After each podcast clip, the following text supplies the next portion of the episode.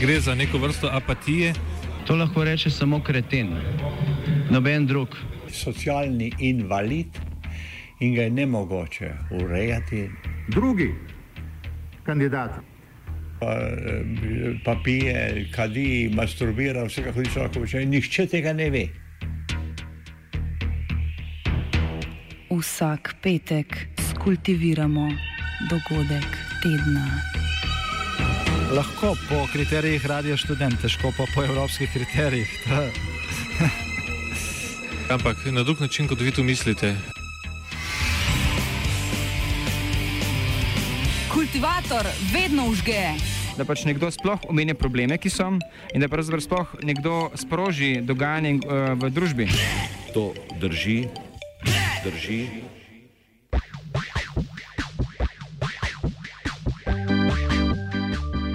Mešetarjenje z magno.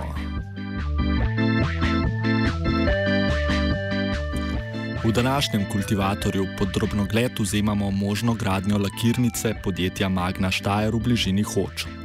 V tem tednu je Ministrstvo za gospodarski razvoj doseglo dogovor z družbo Perutnina Ptuj in skladom kmetijskih zemljišč in gozdov. Slednji so prišli do konsenza glede zagotovitve nadomestnih zemljišč za kmete, ki bodo zemljo primorani prodati za namen magnine investicije. Nekateri namreč niso želeli pristati na prodajo svojih zemljišč občini Hoče Slivnica brez zagotovitve primerljivih obdelovalnih zemljišč.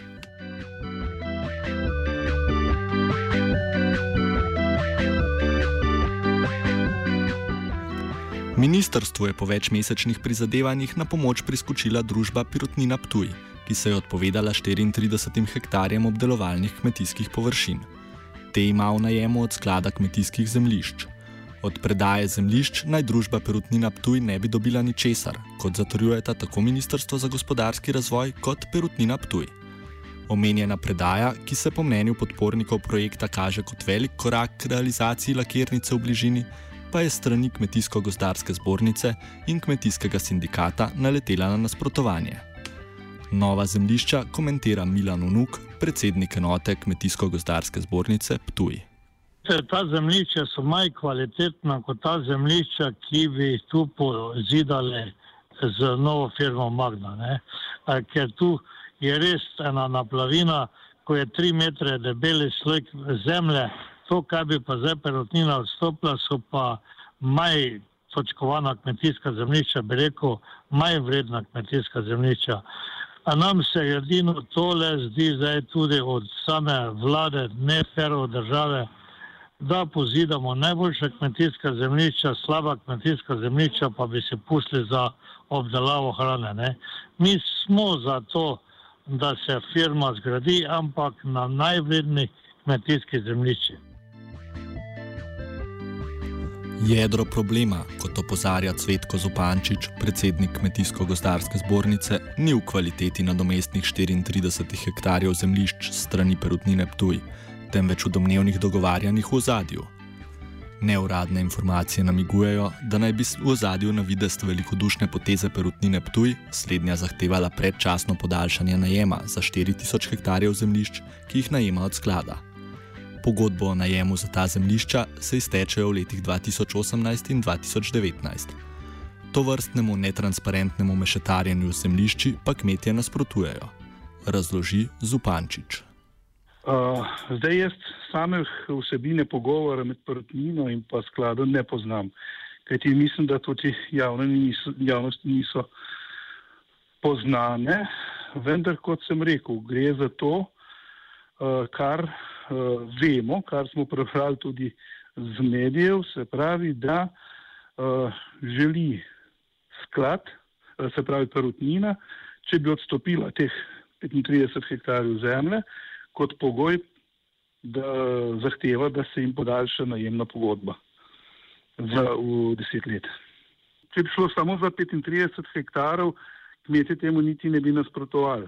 Se pravi, govorim o odstopu zemljišč vendar problem vezati, vezati odstop 35 hektarjev, pa vezati na to, da boš naprej eh, pogodbo sklenil, pa je vprašljivo. Ne. To je neke vrste mešetarjene. Ne. Perutnina Ptuj naj bi torej v zameno za prodajo 34 hektarjev zemljišč zahtevala desetletno podaljšanje najema za 4000 hektarjev drugih zemljišč. Podjetje tak pogoj zanika. Iz sklada kmetijskih zemljišč pa so za slovensko tiskovno agencijo pojasnili, da je Perutnina Ptuj konec maja res poslala pogodbo, ki je vsebovala omenjeni pogoj. Ta teden naj bi na to posredovali novo pogodbo, v kateri predaje zemljišč niso več pogojevali s podaljšanjem najema.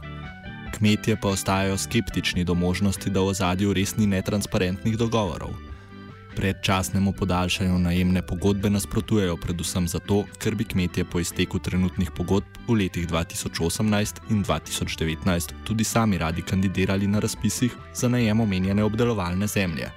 Nadaljuje Zupančič.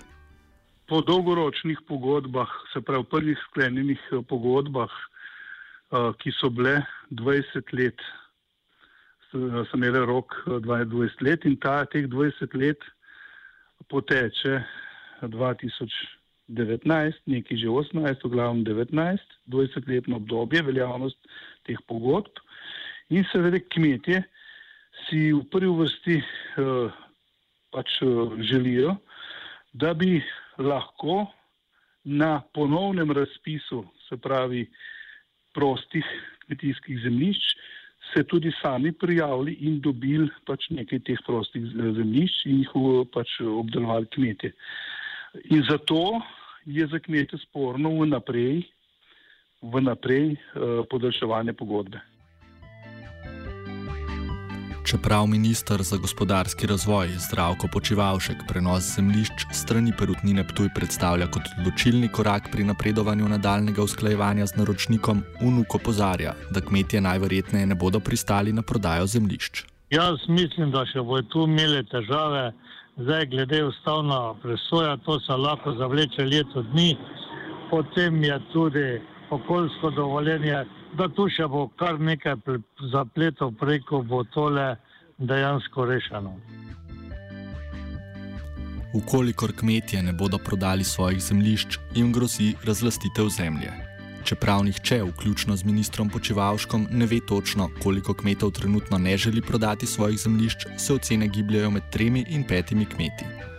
Ukolikor postopek privede do razlastitve zemljišč, pa se odpira vprašanje, ali bo postopek v nasprotju z ustavo. Zakon, sprejet posebej za realizacijo magnine investicije in poznan tudi kot Lex Magna, sicer razglasitev kmetov dopušča, za investicijo razglaša za javni interes. V primeru lakirnice Magne Štajer, ki je vendarle investicija in interes zasebnega podjetja, pa je to vrstna klasifikacija vprašljiva. Razloži Zupančič.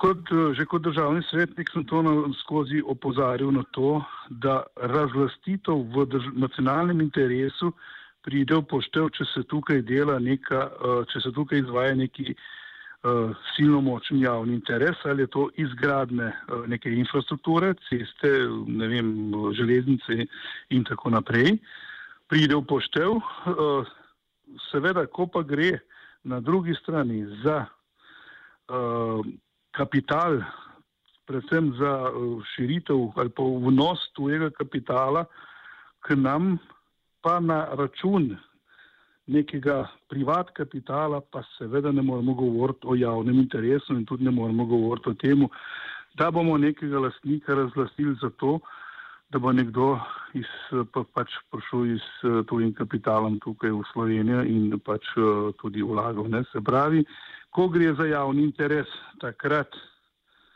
uh, lahko pride do razglasitve, zasebni interes tu, tujca pa nikakor ne more biti tisti, pri katerem bomo mi rekli, da je to javni interes in bomo zakonom dovolili pač razlastito. To je ta sporna zadeva pri ustavni presoji.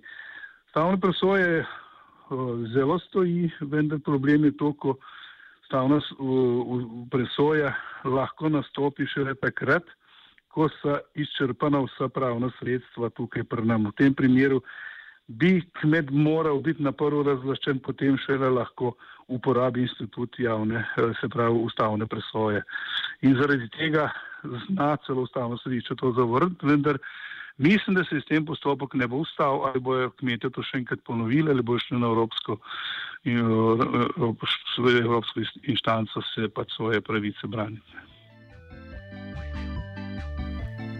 Aleš Kantaruti, državni sekretar na Ministrstvu za gospodarstvo, je ob sprejemanju zakona konec lanskega leta za radio študent na očitke o vprašljivosti razglasitve konkretne zasebne investicije za javni interes odgovoril, da se zakon ne nanaša le na to investicijo.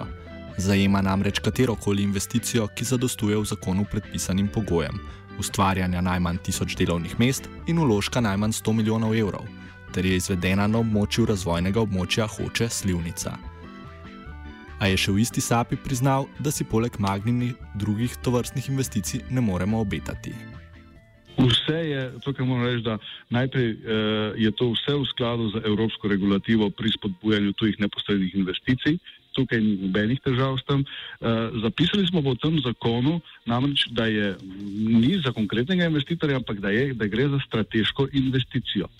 Za strateško investicijo, še enkrat povdarjam, ki ustvari vsaj tisoč delovnih mest, ki je uh, vrednosti vsaj 100 milijonov in je 10 let uh, zagotovljena torej proizvodnja. Uh, tukaj imamo možnost, seveda, da pride še kdo drug, ampak odkrito povedano, v zadnjih 25 letih, torej od osamosvojitve Slovenije, takšnega uh, oziroma rekli popraševanja tujega investitorja za tako veliko investicijo, govorimo o greenfield investiciji, v Sloveniji ni bilo.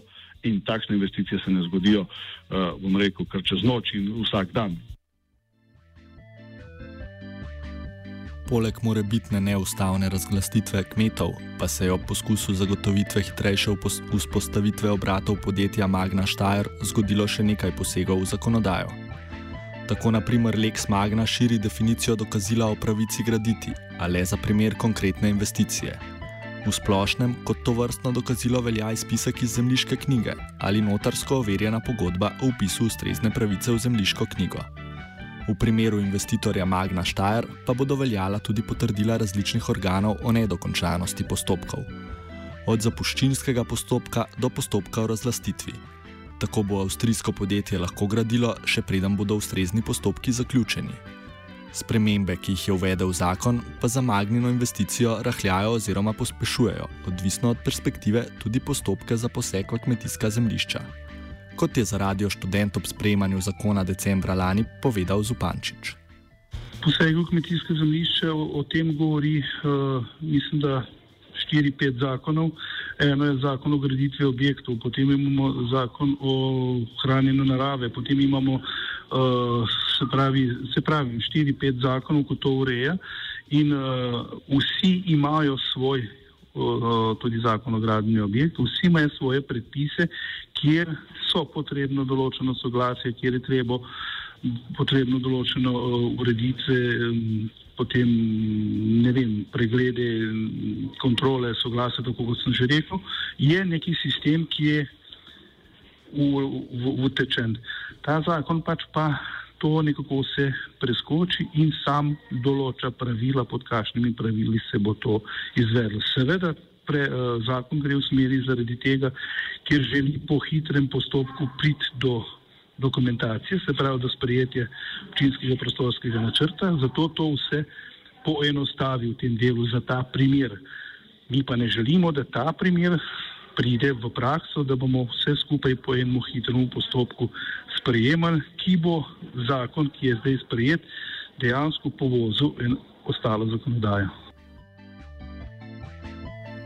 Ministrstvo za gospodarstvo sprememb v zakonodaji ne razlaga kot odpustke, temveč le kot pospeševanje včasih preveč birokratskih postopkov. Še vedno pa je potrebno ugotoviti, da se ti postopki pospešujejo le za točno določeno investicijo točno določenega zasebnega podjetja. Rešitev težav z nadomestnimi zemljišči za kmete, ki bi svojo obdelovalno zemljo prodali za namen gradnje lakirnice, še ne predstavlja zelene luči za začetek gradnje obrata Magne Štajer. Sprva bi morali kmetje odobriti nova zemljišča, ponujena strani Perutnine Ptuj, drugi korak pa predstavlja odobritev strani Inšpektorata Republike Slovenije za okolje in prostor, ki svojo oceno napoveduje v začetku naslednjega meseca.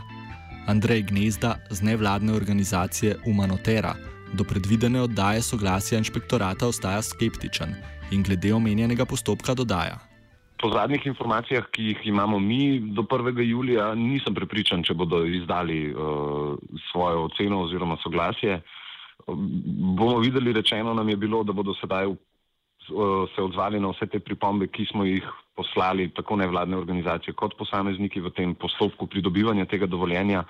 Mi smo v teh postopkih opozorili, da to poročilo, ki je bilo pripravljeno, ni celovito, da ne upošteva naprimer zagotavljanja oziroma ne, ne, ne upravlja presoje vplivo zagotavljanja na domestih zemljišč, naprimer sečnja rogoškega gozda, da so emisije CO2, da so tisti izračuni po naši oceni nepravilni oziroma netočni in da celotno območje vpliva ni ustrezno ovrednoteno, se pravi, da je bilo premajhno.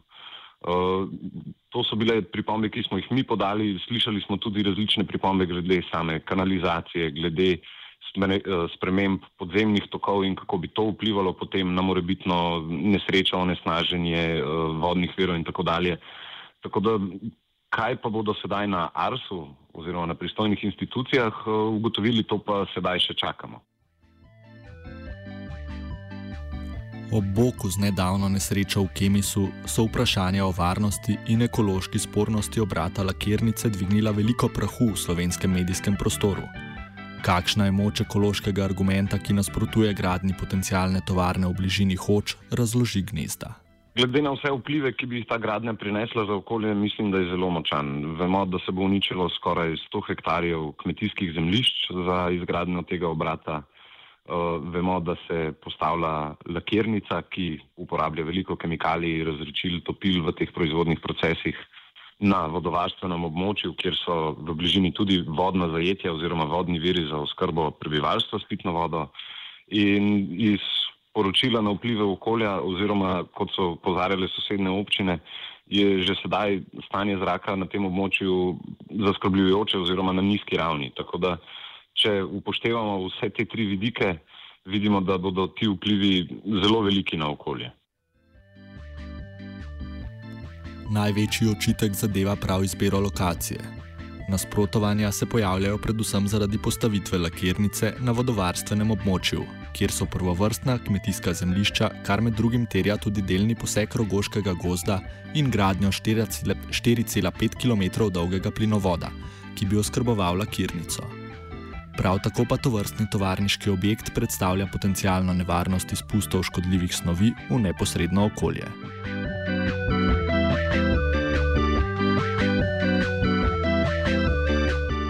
Ministr Počivalšek je v tem tednu naznanil, da je ponudnik že izrazil zanimanje za gradnjo lakirnice na Mačarskem. Ne glede na to, ali izjava drži ali ne, dvomo z možnostih pravočasne uskladitve pogojev za začetek gradnje narašča.